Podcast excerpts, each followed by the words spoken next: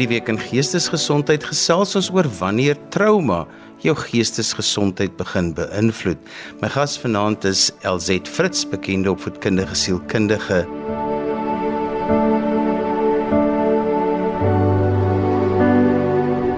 LZ, wanneer ons praat oor trauma, dan dink ek is dit nou meer relevant as ooit tevore want die wêreld is deur 'n traumatiese gebeurtenis wat ons almal op 'n manier geraak het. Inderdaad, dis 'n ongelooflik belangrike onderwerp. So as ons praat van trauma, dan praat ons nie noodwendig van dit wat gebeur nie. Ons praat van wat is my belewing daarvan? So enigiets wat vir my oorweldigend voel of wat my laat magteloos voel, onveilig voel, dit op die ou einde gaan ek moontlik as 'n trauma kan ervaar. So wat vir een persoon traumaties is, is nie noodwendig vir 'n ander persoon traumaties nie. En ek dink dit is wat dit baie keer vir mense moeilik maak. Jy kyk na dit wat met jou gebeur en jy luister na dit wat met iemand anders gebeur en jou ervaring voel vir jou baie erger as daai persoon se ervaring. Maar jy weet nie wat is daai persoon se geskiedenis van vorige belewinge van oorweldiging nie. En trauma lê baie sterk op hoe my liggaam en my sentrale senuweestelsel gebeur, op iets wat onverwags is en iets wat buite my gemaksone is. En wat die COVID pandemie gedoen het is dit het wêreldwyd mense se realiteit geskuif. Dit het letterlik die mat onder hulle uitgepluk en daai gevoel van dit wat standvastig, dit wat ek kan antisipeer, dit wat die norm is, het dit gaan verander en afhangende van mense se vorige ervarings van trauma kan mense met ander woorde weer geaktiveer word met 'n trauma reaksie wat uiters uniek is vir daardie persoon self. As dit jy raak so 'n belangrike ding aan want dit is nogal moeilik vir mense om te verstaan dat vir een persoon as daar iets groots gebeur het, dan voel dit asof hy sy toon gestamp het. Vir iemand anders voel dit asof hulle onthoof is. En mense verstaan nie altyd dat mense situasies verskillend beleef nie. Dis heeltemal waar nie een van ons weet wat is iemand anders se lewensstorie nie. Selfs die mense naaste aan jou jy het nie 'n idee van um wat hulle al dalk ervaar het voordat jy hulle leer ken het en selfs vir ouers met hulle eie kinders. Jy ken jou kind vanaf dit wat jy sien van die buitekant af, maar jy weet ook nie wat jou kind intern ervaar nie. En eh, ek dink dis wat trauma vir ons so so kompleks maak, is elke persoon se belewing daarvan en elke persoon se reaksie daarop is individueel uniek. So ek sê op die einde ons ervaar dinge enerzijds binnekant ons en dan ervaar ons dit ook op 'n interpersoonlike vlak. So ek ervaar dit waardeur ek gaan, maar ek ek word ook beïnvloed deur die mense rondom my en hulle reaksies. LZ iets wat vir my altyd interessant is en ek weet nooit hoe om daarop te reageer nie. Is daai ding van ja, mens gaan deur iets en dan almal om jou vertel nou eintlik vir jou hoe groot hierdie trauma is. En almal om jou sê jy moet iemand gaan sien en almal om jou dink dat dit is hoe die trauma vir jou moet wees. En ek dink baie keer is dit juis een van die groot probleme oor hoekom mense amper nie hulle eie trauma erken nie. Daar's 'n klomp goed wat jy nou daar genoem het. Die een ding is mense kyk na jou en hulle sien dalk sekere goed raak. Hulle maak dalk afleidings wat jy nie noodwendig kan identifiseer of eie nie.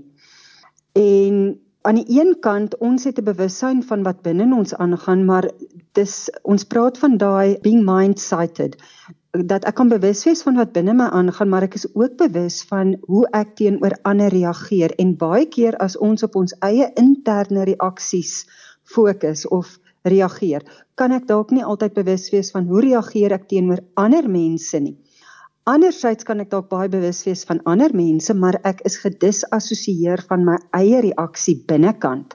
So dis hoekom ek sê dit is 'n 'n sentrale senuweestelsel reaksie en afhangende van 'n mens se vorige ervarings van trauma kan jy of oorgesensitiseer wees of jy kan heeltemal afskakel van 'n uh, 'n belewing, selfs jou eie sintuiglike ervarings So op die ou einde het jy nodig om ag te slaan van dit wat jy ervaar intern, maar luister ook maar wat sê mense rondom jou oor wat hulle dalk waarneem, want jy is dalk nie bewus daarvan nie, jy kom dit nie agter nie.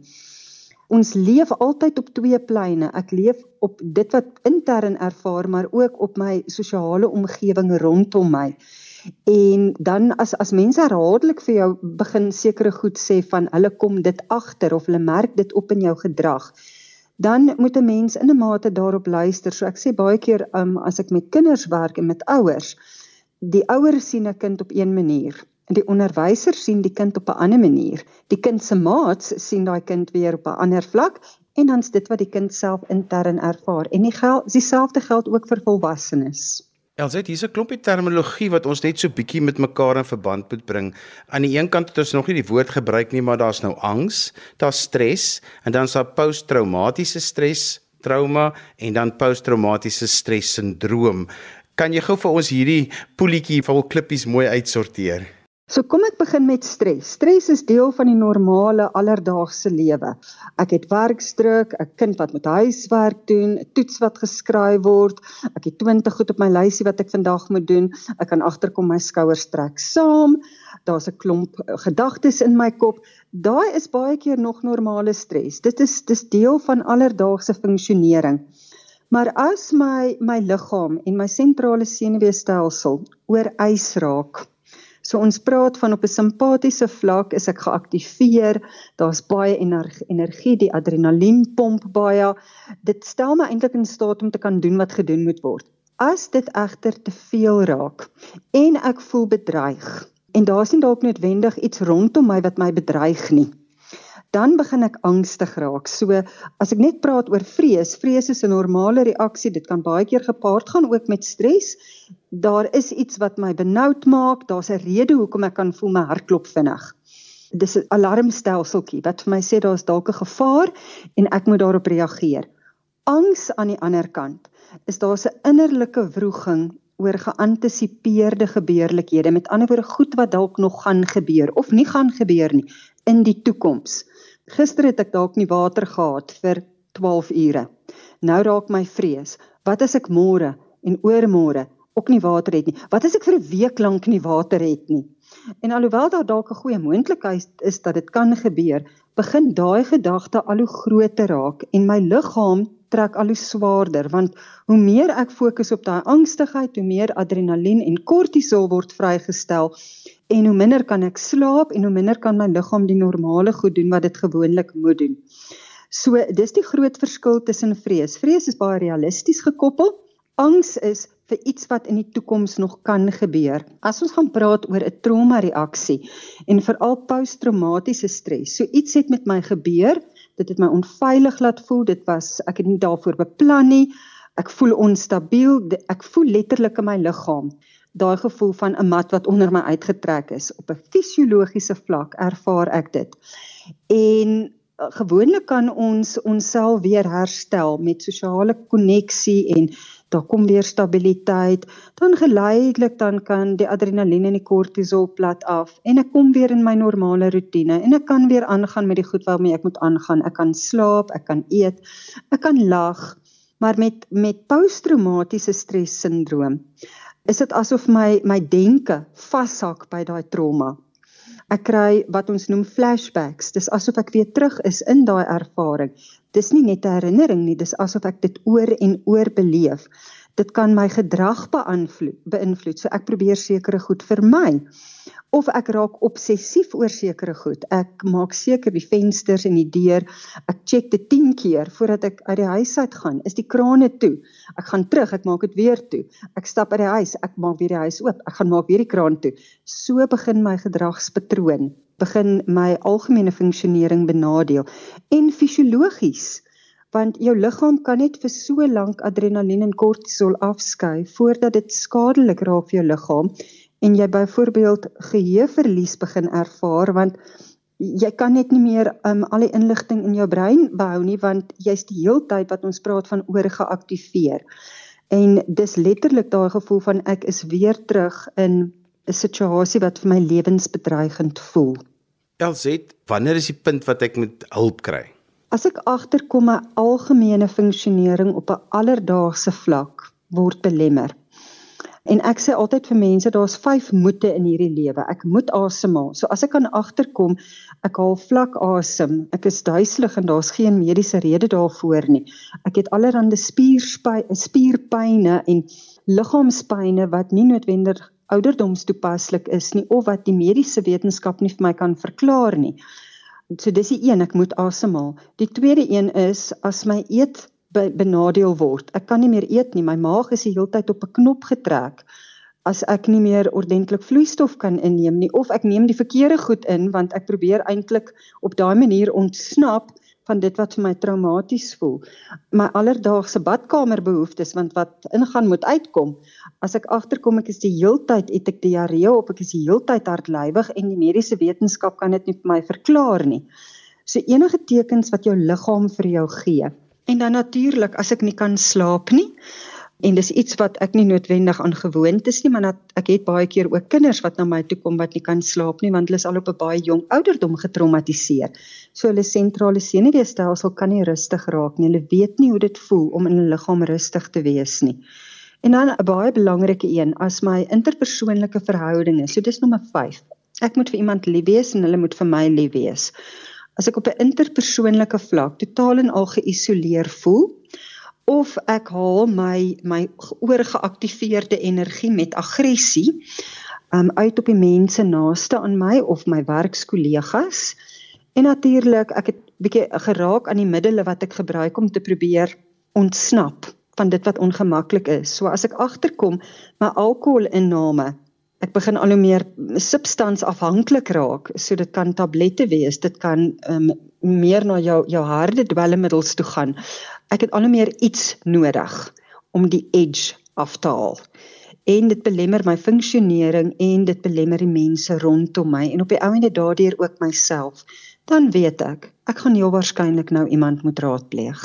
As jy sopas ingeskakel het, jy luister na Geestesgesondheid saam met my Johan van Dil. My gas vanaand is LZ Fritz, opvoedkundige sielkundige. Ons gesels vanaand oor posttraumatiese stres en hoe mense op trauma reageer. As jy kan identifiseer met wat ons oor vanaand gesels of jy het vra, stuur gerus 'n SMS teen R1.50 per SMS na ons SMS-lyn. Die nommer is 45889. 45889. Ons hoor graag van jou. LZ, die ander ding wat tog vir my belangrik is, is dat 'n mens ook moet praat oor dat kinders byvoorbeeld trauma heeltemal anders beleef as volwasse mense en dan ook dat dit wat ek as kind traumaties ervaar het en nooit aan gewerk is nie baie keer later in jou lewe skielik net eendag in jou kop kom sit. Ons weet al op hierdie stadium dat daar is um ek en ek het al kinders en volwassenes by my gehad wat baie vroeë kinderherinneringe het. Ek het alselfs mense gehad wat geboorteherinneringe gehad het waar daar 'n trauma plaasgevind het en dan is dit nie noodwendig 'n volwassene se skuld nie. Dit is nie die ouers se skuld nie. Die ouer was nie 'n slegte ouer nie. Maar iets buiten die gewone het gebeur. Um ons weet ons kinders wat sensories meer vinniger gestimuleer raak. So as daar te harde lawaai is of om vasgevang te wees byvoorbeeld in 'n kar of in 'n in 'n gebou en is verskriklik swaar reën of haal met donder weer vir 'n kind kan dit alles oorweldigend voel vir alles daai kind alleen is. Des te meer as hulle dalk nog by 'n volwassene is wat hulle moet versorg maar daai volwassene kan in daai oomblik self nie um hulle self tot rus te bring nie. So dan sien die kind dat hierdie volwassene kan nie cope nie en dan is dit eintlik half 'n dubbele trauma vir daai kind want enerzijds gebeur iets waaroor hulle nie beheer het nie wat hulle onveilig laat voel en die volwassene waarop hulle moet staatmaak is ook nie teenwoordig nie.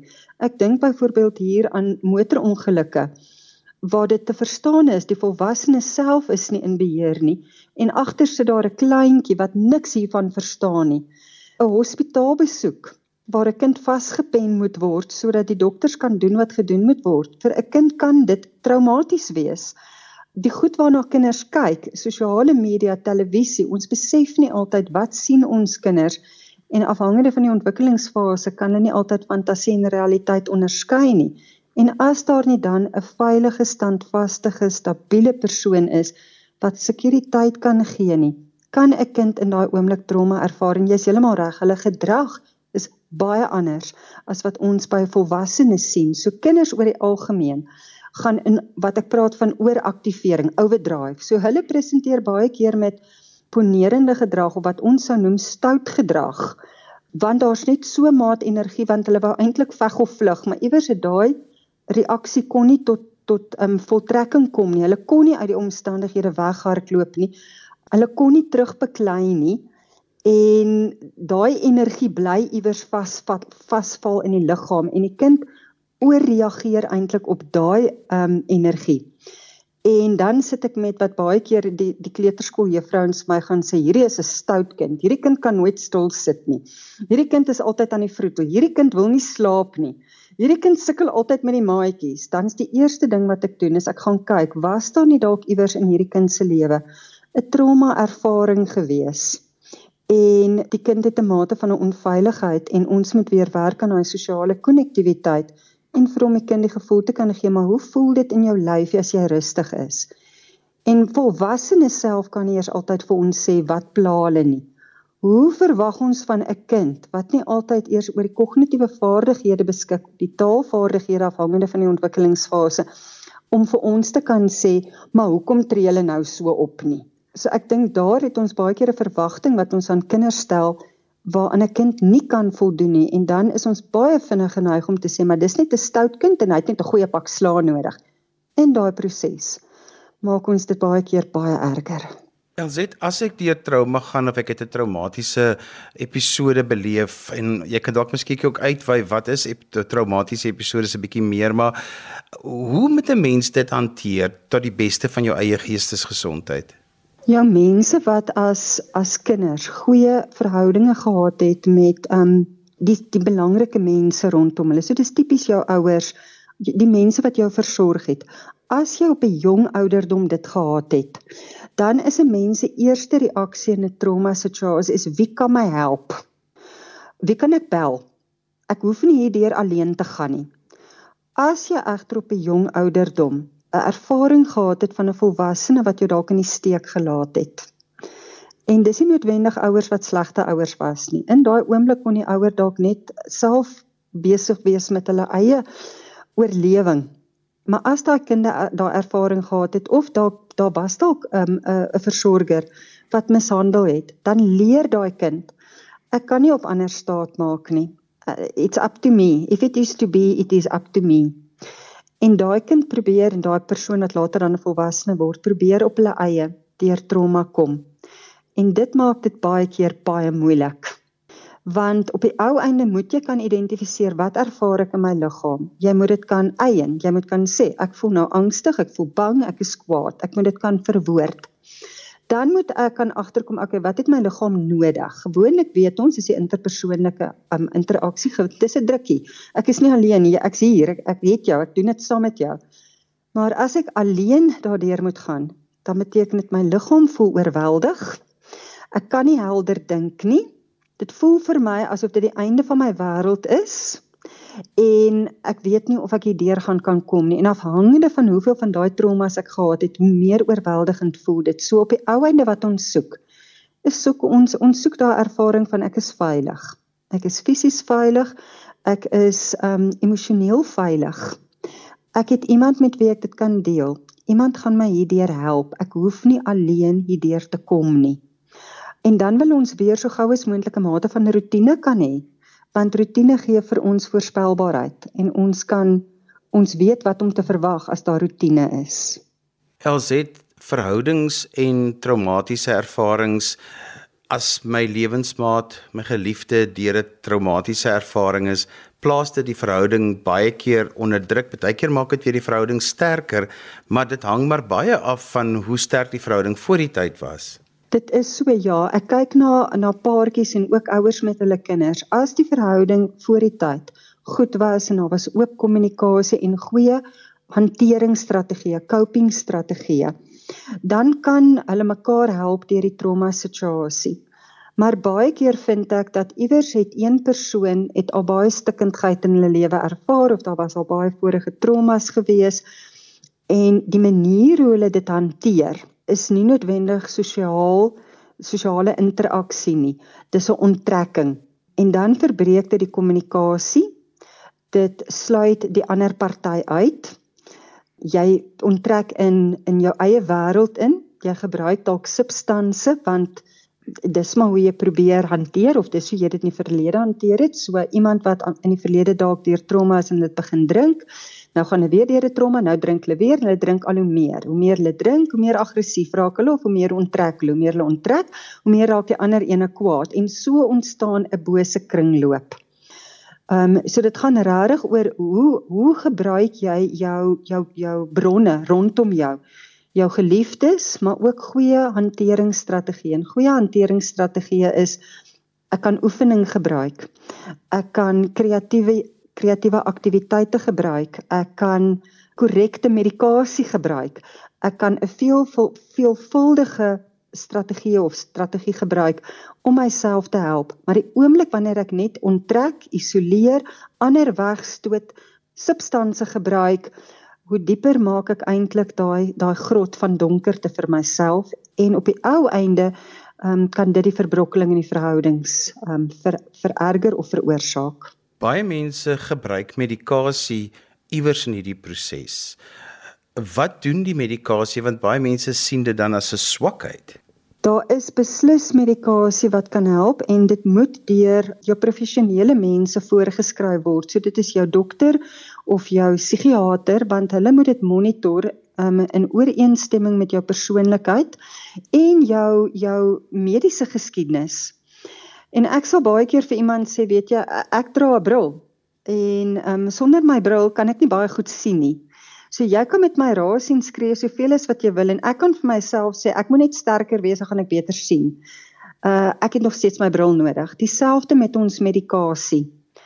As jou jou kortisol en jou adrenalien en jou serotonien en al daai belangrike hormone wat belangrik is vir jou algemene funksionering en welstand, as daar iets tekort skiet of in oormaat afgeskei word, dan kan die medikasie help om jou liggaam rustiger te kry en om net weer 'n gevoel van balans te gee. Dit moet egter met 'n mediese professionele persoon geskied want ek het nou al baie keer ook veral met kinders wat baie sensitief is vir medikasie. Dan sal dalk op een tipe medikasie sê nou maar vir aandag afleibaarheid of vir algemene angstigheid. En dan raak hulle siek en hulle kry medikasie vir daai siekte en dan werk daai medikasie teen die vorige medikasie. Dan sit ek later met 'n kind met obsessiewe kompulsiewe gedragspatrone en oogies wat die hele tyd blink en 'n skouertjie wat die hele tyd optrek en um, jy kan sien daai liggaam is in 'n proses van ongemak. En dan sit baie keer medikasie wat nie mooi gemonitor was nie en wat kontra-indikasies gehad het. So definitief die medikasie maak 'n verskil. Dit moet gepas wees vir jouself en jy moet dit um holisties daarna kyk in terme van wat is jou fisiologiese biologiese um geskiedenis en profiel. Het wat gemaak met mense wat eintlik so half per ongeluk nou nie die trauma ervaar het nie, maar die mense vir wie hulle lief is het dit ervaar. 'n Tipiese voorbeeld is jy vat gewoonlik miskien jou kinders skool toe, maar hierdie oggend was jy nou 'n bietjie terughou, jy moes gou-gou 'n een of ander aanlyn vergadering doen, so toe sê jy maar vat jy jou lewensmaat gou-gou die kind skool toe vat en dan word hulle gekaap op pad skool toe. En jy loop met die trauma van as jy nou daar was dis dalk dis toe jou skuld maar eintlik is dit nie jou skuld nie en jy beleef hierdie trauma asof jy daar was Daar is vir my verskriklik belangrik want die skuld en die skaamte wat ons saam met ons dra vir dit wat ons verkeerd gedoen het en nie verkeerd gedoen het nie is net so traumaties vir ons um, as die werklike gebeurlikheid. So Aan die een kant sit ons met jou sentrale senuweestelsel wat ons help met veg of vlug. As dit nie kan gebeur nie, dan het ons baie keer daai vriesreaksie en ons praat daarvan the faint of the fawning response. Jou liggaamstelsel gee in of jy wil die hele tyd iemand tevrede hou want jy het iewers geleer as ek net my ouer tevrede kan hou, gaan hulle nie die hele tyd met my raas op my pak gee nie. So daar ontstaan daai patroon alreeds en enigiets wat daarna in jou wêreld gebeur is ons geneig om dan baie vinniger aan te trek en te sê maar dis my skuld. Kinders van nature doen dit want hulle dink die hele wêreld sentreer rondom hulle. En as dinge daar al skeefloop in hulle lewe, dan dan is hulle geneig om te dink dis hulle skuld en hulle loop vir die res van hulle lewe met daai gevoel saam met hulle. Dit vat nie veel vir daai enetjie om geaktiveer te word nie. So die konteks wat jy nou geskets het, Daai ouer wat dan sit met daai gevoel van maar dis my skuld. Ek kon dit verhoed het. Baie keer weet ek daar moes voorheen al trauma gewees het sodat daai persoon eintlik nou weer in hulle eie trauma reaksie is. En dan werk ons deels met liggaam. Hoe kry ek daai persoon om net weer 'n gevoel van rustigheid te kry? Hoe werk ek ook met hulle denkpatrone? So daar is ruimte vir jou jou sielkundige berading of terapie. Ons praat daarvan van kognitiewe gedragsmodifikasie, maar dit sluit ook in ek werk met die liggaam. So ons praat van the body work of somatic experiencing, trauma release exercises sodat jy ook met die liggaam kan werk en jy bring in Ek sê altyd as mens kan lag en jy kan pret hê, dan kan jy deur die trauma kom vir alles wat saam met ander is. Hoe gebruik ek dan weer my sosiale netwerk om net 'n mate van standvastigheid en stabiliteit te kan kry en realisties na hierdie situasie te kan kyk en te besef ek is nie die een wat skuldig is hiervoor nie. Die kapers was die ouens wat hier aangejaag het. Dit is nie ek nie. Ek het dit nie doelbewus oor my familie of my my eggenoot of my kind toegespreek nie. So daarom dan die besef te kom daar's 'n verskil tussen hoeveel mag het ek in hierdie wêreld in terme van my eie dade en waar het ek eintlik nie mag nie. Dit was omstandighede. Jy verwys nou na trauma uh, release uh, oefeninge of aktiwiteite. Wat is dit LZ? Wat bedoel jy daarmee? Daar's 'n hele die laaste paar jaar klomp nuwe terapeutiese behandelings wat na vore gekom het wat werk met die selse herinneringe en energie wat in die liggaam gestoor is. So wanneer hulle werk met trauma release dan werk hulle letterlik met die liggaam en daar's oefeninge wat jy kan doen sodat jy by 'n punt kan kom dat jou liggaam, hulle praat van tremoring, sodat jou liggaam van hierdie energie kan ontslaa raak. So een van die voorbeelde is byvoorbeeld as iemand vir 'n operasie moet gaan en hulle is dalk vasgedruk sodat die mediese professie kon doen wat gedoen moes word. Daai persoon wou eintlik weghardloop, maar hulle kon nie. Daai oormaat energie wat in die liggaam vasgekeer is. Wanneer jy vir jou trauma release gaan, dan help die persoon jou sodat jy van daai energie eintlik ontslaa kan raak. Maar hulle help jou dan ook om daai vorige trauma ervaring te kan verwoord, te kan herkontekstualiseer sodat jy dit kognitief kan verwerk en dit nie noodwendig in jou onderbewuste bly nie. Jy kan jy kan meer daaroor praat. En jou liggaam kan by 'n punt kom dat jou liggaam kan voel maar hoe voel dit om sonder hierdie interne spanning die heeltyd moet funksioneer wat op die ouene beteken 'n persoon kan dieper asemhaal. Hulle kan gemakliker slaap Hulle het nie 'n fisiologiese oorreaksie, so ek skrik die hele tyd as daar byvoorbeeld 'n akker op die dak val nie of die weerligstraal ehm um, slaan. Ehm um, ek kan eintlik ek neem kennis daarvan, maar dit is nie vir my 'n oordrewe angsrespons nie.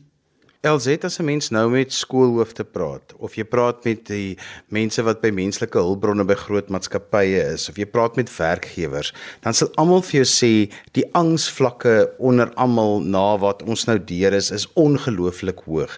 Kom ons haal so 'n bietjie die abstrakte daarvan uit en en gesels 'n bietjie oor daai angs. En ja, ons lê almal in posttraumatiese stres dink ek oor wat met ons gebeur het, maar hoekom sal almal sê die angsvlakke is dan so hoog op die oomblik? Ons sien dit op hierdie stadium in die terme van energie. So as ek weer eens gaan praat van daai sentrale simpatiese senuweestelsel, die veg of die vlugrespons.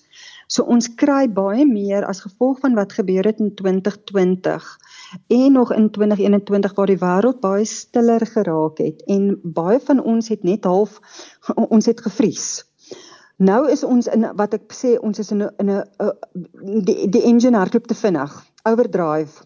So ons vind dat mense se frustrasie vlakke dit dit word gaan vinniger in die rooi in. Jy raak vinniger kwaad, vinniger ongelukke wat plaasvind. Ehm um, ons ons is bitsiger met wat ons sê ons sê goed voordat ons dink. So ons het 'n baie meer 'n dierlike reaksie, daai veg of die vlug reaksie. En omdat ons sosiale wesens is, is dit 'n kettingreaksie. So ek sien jy ehm um, skort af met my. Jy vra vir my iets sonder om vir my asseblief of dankie of ehm um, te groet. Ek beleef dit as ongeskik. Nou is ek weer kwaad vir jou. Nou reageer ek of ek haal dit uit byvoorbeeld in 'n skoolkonteks op die kinders in die klas. En dit raak 'n kettingreaksie. As ons maar net gaan kyk hoe mense op die paaie ry.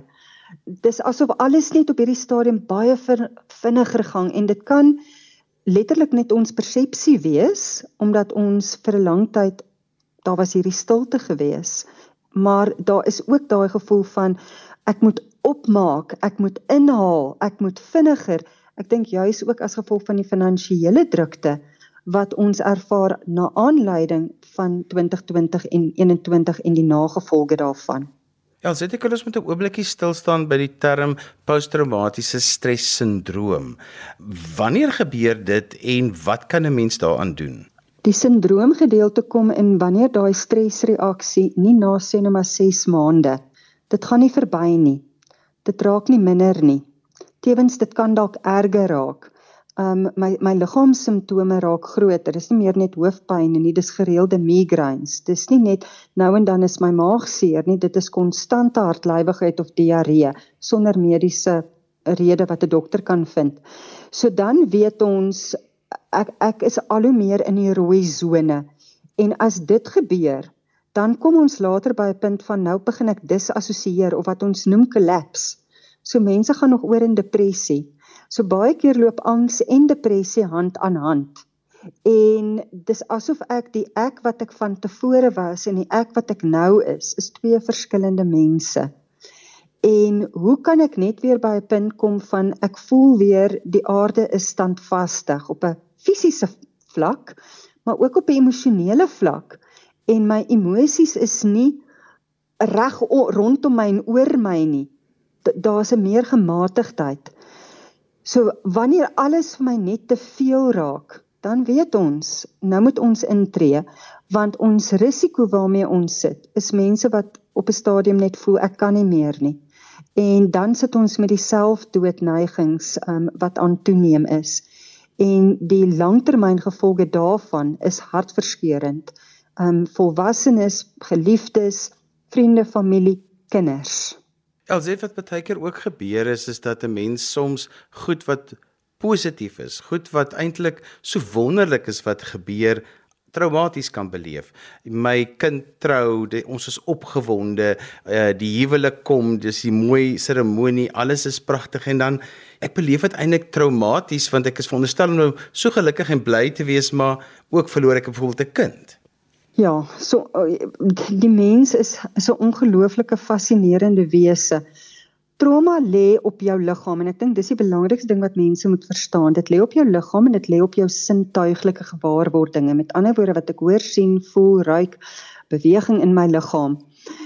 So wanneer ek in iets wat positief is, soos byvoorbeeld 'n troue. Nou weet ons, troue kan ook baie spanningsvol wees. Um op 'n sintuiglike vlak kan jy geaktiveer raak want daar seker goed waaroor jy kan voel jy het nie beheer nie. En trauma wil gewoonlik hê ek moet in beheer wees. Maar met 'n troue byvoorbeeld, dat jy het nie beheer oor alles nie en iewers sal iets skeefloop. Terselfdertyd, ja, ek verloor my kind en as daai kind vir my 'n alles was of ek het 'n mate van 'n koafhanklikheid ontwikkel, dan is so iets wat 'n wonderlike gebeurlikheid is, kan vir my traumaties wees. Dit hang baie sterk af van um my eie identiteit, my eie gevoel van sekuriteit, wie of wat gee vir my sekuriteit en wat is te veel vir my sentrale senuweestelsel om te hanteer. Elzet, jy het nou so 'n bietjie vroeër al daarna verwys, maar die verskillende terapieë en terapete wat werk met posttraumatiese stres. Uh, mense weet nie altyd wat is die opsies nie en hulle dink hulle moet dit maar net uitwag. Hulle is ook baie keer bang nou wat gaan nou by die kopdokter gebeur of hulle gaan na uh, weet as jy nog die woord psigiater noem, dan's mense nog meer skrikkerig want hulle het in hulle familie eintlik nog nooit met daardie beroepe regtig te doen gehad nie. Ja, dis altyd fascinerend as mense hoor, um, ek is 'n sielkundige die aannames wat mense het. Ehm um, ek dink een van die die groot foute wat mense maak aan die een kant is hulle dink daar is noodwendig 'n um, 'n miracle cure. Daar's 'n wonderwerk. Hierdie hierdie hierdie versk iets verskriklik met het met jou gebeur en nou gaan ek na iemand toe en hulle gaan dit wegvat. Wat ons baie keer doen is ons help iemand om 'n toleransie te ontwikkel vir dit wat gebeur het, sodat jy dit beter kan hanteer, sodat jy daaroor kan praat en meer 'n greep daarop kan kry en jy nie meer noodwendig in die kloue van daai situasie is nie. Ehm um, wanneer ons praat van ons psigiaters, dis 'n dokter. Die dokter het net addisioneel gestudeer, so hulle verstaan ook van die komponent van sielkunde en wat dit aan die fisiologie kan doen. En op hierdie stadium weet ons, die liggaam, die denke, die emosies en die siel is elkeen ewe belangrik en gekoppel aan die ander komponente. Die een is nie belangriker as die ander een nie. So jou jou psigiaters help met die mediese komponent vir die neurooordragstowwe Wat die sielkundige doen is ons gee 'n gevoel van veiligheid, standvastigheid, vertrouenswaardigheid want ek gaan nie vir jou buurman, jou buurvrou, jou werkgewer, werknemer, ek gaan nie vir hulle jou storie vertel nie. So jou storie is veilig. Ons vat die gevoel van skaamte en skuld weg. Ehm um, sodat jy by die besef kan kom van dit wat jou reaksie is, is uniek aan jou. Dis nie jy wat swak is en daarom reageer jy so nie. Dis jou liggaam enerzijds wat hierop reageer en ons neem jou vorige traumas in ag en ons help jou om op die ou einde te kan kyk maar wat is jou lewensstorie en hoe kan ons die pad vorentoe vir jou makliker maak sodat jy nie die heeltyd in die verlede staan of die heeltyd in die toekoms leef nie maar dat jy eintlik hierdie oomblik as goed kan ervaar. LZ jy het bietjie vroeër in die gesprek verwys daarna dat dit ook baie keer goed is om met iemand te gesels wat jy goed ken, wat jy vertrou, net om so klein bietjie weet ook perspektief te kry. Maar wat is die rol van die een wat moet luister? Want ons wil mos nou maar almal graag raad gee. Ons wil dinge regmaak. Ons wil dinge uitsorteer en baie keer wil ek ook sê amper kaap ons baie keer iemand anders se trauma net omdat ons dalk al daardeur is of omdat ons dink ons weet hoe hulle dit moet doen. Die grootste geskenk wat jy vir iemand kan gee wat deur iets groots of moeilik gaan, is om jou ore meer te gebruik en jou mond dalk 'n bietjie minder. Met ander woorde gee vir daai persoon die geleentheid om te kan afpak en te kan praat. Soms wil daai persoon nie noodwendig advies hê nie. Hulle wil eintlik net hê iemand moet hoor. Ons wil net hê iemand moet kan besef ek gaan deur 'n verskriklike moeilike tyd En deur dit met jou te deel, beteken dit ek voel ek gaan nie heeltemal alleen daardeur nie. Soms deur net 'n goeie vrae te vra, kry jy iemand om self 'n bietjie te dink en om by hulle eie antwoord uit te kom. En ja, daai ding van ons kaap iemand anders se trauma. Omdat baie van ons op hierdie stadium deur moeilike goed gaan. Ek weet persoonlik nie van een persoon in my kring wat nie die laaste ruk deur groot goed gegaan het nie, het sy direk hulle self of iemand in hulle familie. En dan is die gevaar wat ons doen is as iemand met ons praat en vir ons vertel van hulle storie, dan begin ek dadelik oorgaan na my storie toe. Want eintlik is ek ook getraumatiseer en ek wil ook my storie met iemand deel. En dis hoekom ek sê as jy aanvanklik dalk net jou ore bietjie beter kan gebruik, En vir jou mense wat baat by 'n drukkie en hulle is gemaklik met fisiese kontak, en jy kan dalk net op daai manier ook vir hulle die boodskap gee, ek is hier. Ek I've got your back. Um ek hou jou hand vas. Jy gaan nie alleen hier deur nie.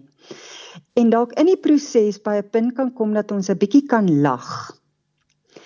Dan gee ons vir daai persoon weer nuwe hoop en hulle kan weer aangaan. En dan is dit baie keer verstommend waardeur mense eintlik kan gaan en hoe sterk hulle eintlik is. Elzet mens hoor baie keer die term wat mense gebruik nadat daar trauma sê maar by 'n skool of by 'n werkplek was, dan stuur hulle terapeute in en sê hulle ja, die trauma word nou ontlont. Wat beteken dit? Johan, ek soek self vir daai towerstafie. As ek hom het, gaan ek hom patenteer en ek gaan skatryk wees. Daar is geen manier hoe jy trauma kan ontlont nie. Al wat jy kan doen is jy gee geleentheid vir die mense enerzijds to be seen and to be heard. Jy jy skep 'n gevoel van samehorigheid. Ek gaan nie alleen hier deur nie. Hier is ander mense ook. Jy maak kommunikasiekanale oop. Dan Siegel sê if you can name it, you can tame it. As ek kan sê my hart is stikkend, en ek kan dalk nog my hart teken of ek kan dit skep, ek kan dit verf, dan kan ek dit bietjie buite my liggaam sit En miskien kan ek dalk verbaas wees wat sê daai stikkende hartprent vir my in terme van wat het my hart nodig. En dis wat ons doen wanneer ons na skole toe gaan of ons gaan na besighede toe. Is ons probeer regtig kyk hoe kan ons net weer 'n gevoel van veiligheid skep deur samehorigheid. Um en weer 'n bietjie stabiliteit. Maar daar is geen manier hoe jy jou towerstafie kan swaai en dit waardeur jy gegaan het, het skielik nie meer gebeur nie. Jy gaan dit vergeet en dit gaan jou nie meer affekteer nie. Um ek sê baie keer 'n mens laat my dink aan aan 'n uh, een van die geodes. Ek weet nie wat dit in Afrikaans is, maar dis 'n klip. En as jy hom middeldeur breek, dan staan kristalle daar binne. En dis wat trauma doen. Dit dit laat ons bietjie splinter. Dit vat van ons buitelaagies af sodat ons eintlik by die gedeelte kan uitkom wat helderder kan blink en dalk op die ou einde vir iemand anders ook iets van waarde kan wees maar dan moet ek genoeg kapasiteit kan ontwikkel dat ek nie heeltemal in totaliteit versplinter nie. Elzet baie keer kom mense by jou in die spreekkamer in dan sê hulle as jy nou vra maar hoe werk ons? Waarmee werk ons? Jy weet, waar is ons? En dan sê vir nee, ek is eintlik. Okay. My ehm um, my vriende het gesê ek moet na jou toe kom. Wat is jou woorde en jou antwoord en waar begin jy dan? Wat dan slik begin by te sê, weet jy, dit lyk my jy het vriende wat baie vir jou omgee. En ons kan deur baie dinge kom as daar mense is wat vir jou omgee en wat wat saam met jou daardeur kan gaan. Tipies wat dan gebeur is dan praat ons met iemand met oor bietjie oor hulle lewensstorie dat jy kan agterkom maar wat was die temas. Want dan kan jy agterkom baie keer wat wat vandag se trauma doen is hy gaan aktiveer weer vorige traumas. Um gedagtes, en dan natuurlik die fisiologiese response waaroor jy nie beheer het nie. Maar dan kan ons gaan kyk maar wat is die skakels? Hoe hoe skakel al hierdie goed in mekaar? En baie belangrik, ons gaan kyk maar wat het jou gehelp tot nou toe? Wat het jy gedoen tot nou toe wat jou in staat gestel het om tot hier te kom? Elke persoon het ook geskenke. En ons moet gaan kyk wat is daai geskenke want ons praat nie net die hele tyd oor die trauma nie, tewens dit kan ongelooflik hertraumatiserend wees. Jy praat 'n bietjie oor die trauma en dan praat jy oor die goed wat jou gehelp het tot hier toe, die goed wat jou laat lag. Dan praat jy weer 'n bietjie oor die trauma, dan praat jy weer oor die ligtheid. Jy bring 'n balans in sodat jy die persoon se kapasiteit kan vergroot om op die ouende veral op 'n fisiologiese vlak daai trauma te kan hanteer. Elzet, ons moet klaarmaak. Kom ons gee so 'n slotgedagte oor trauma, angs, stres voor ons groet. Neem kennis van wat ervaar jou liggaam? Neem kennis van wat het jou liggaam nodig? Wat het jou hart nodig? Wat het jou uh, siege nodig? Jou siel en jou gedagtes. En uh met elke trauma is daar ook ligtheid. Die uitdaging is hoe gaan ons die ligtheid gebruik om die donkerte ligter te maak? Elzet as mense met jou verder wil gesels of kontak wil maak, hoe kan hulle by jou uitkom? Hulle kan my kontak op my e-posadres, dis E L Z E T T E F R I T Z syfertjie 1 @gmail.com. Dit help my as hulle vir my 'n telefoonnommer los want dan kan ek vir hulle vinnige stemboodskap los. Ek het nie altyd tyd om baie lank per e-pos te reageer nie. En so gesels op vir kindergesielkundige LZ Fritz.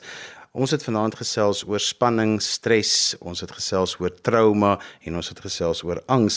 Jy kan ook jou ervaring met ons deel en saamgesels stuur vir ons 'n SMS teen R1.50 by 45889 of gesels ook sommer net van ons oor wat het vanaand se program vir jou beteken. En daarmee het ons gekom aan die einde van vanaand se geestesgesondheid. Onthou jy kan weer na vanaand se program luister as 'n potgooi. Laai dit af by resgep.co.za. Skryf gerus vir my 'n e e-pos by Johan van Lille@gmail.com en onthou daai Johan het net een N. En daarmee groet ek dan vir vanaand. Kyk mooi na jouself. Tot volgende keer van my Johan van Lille. Totsiens. thank you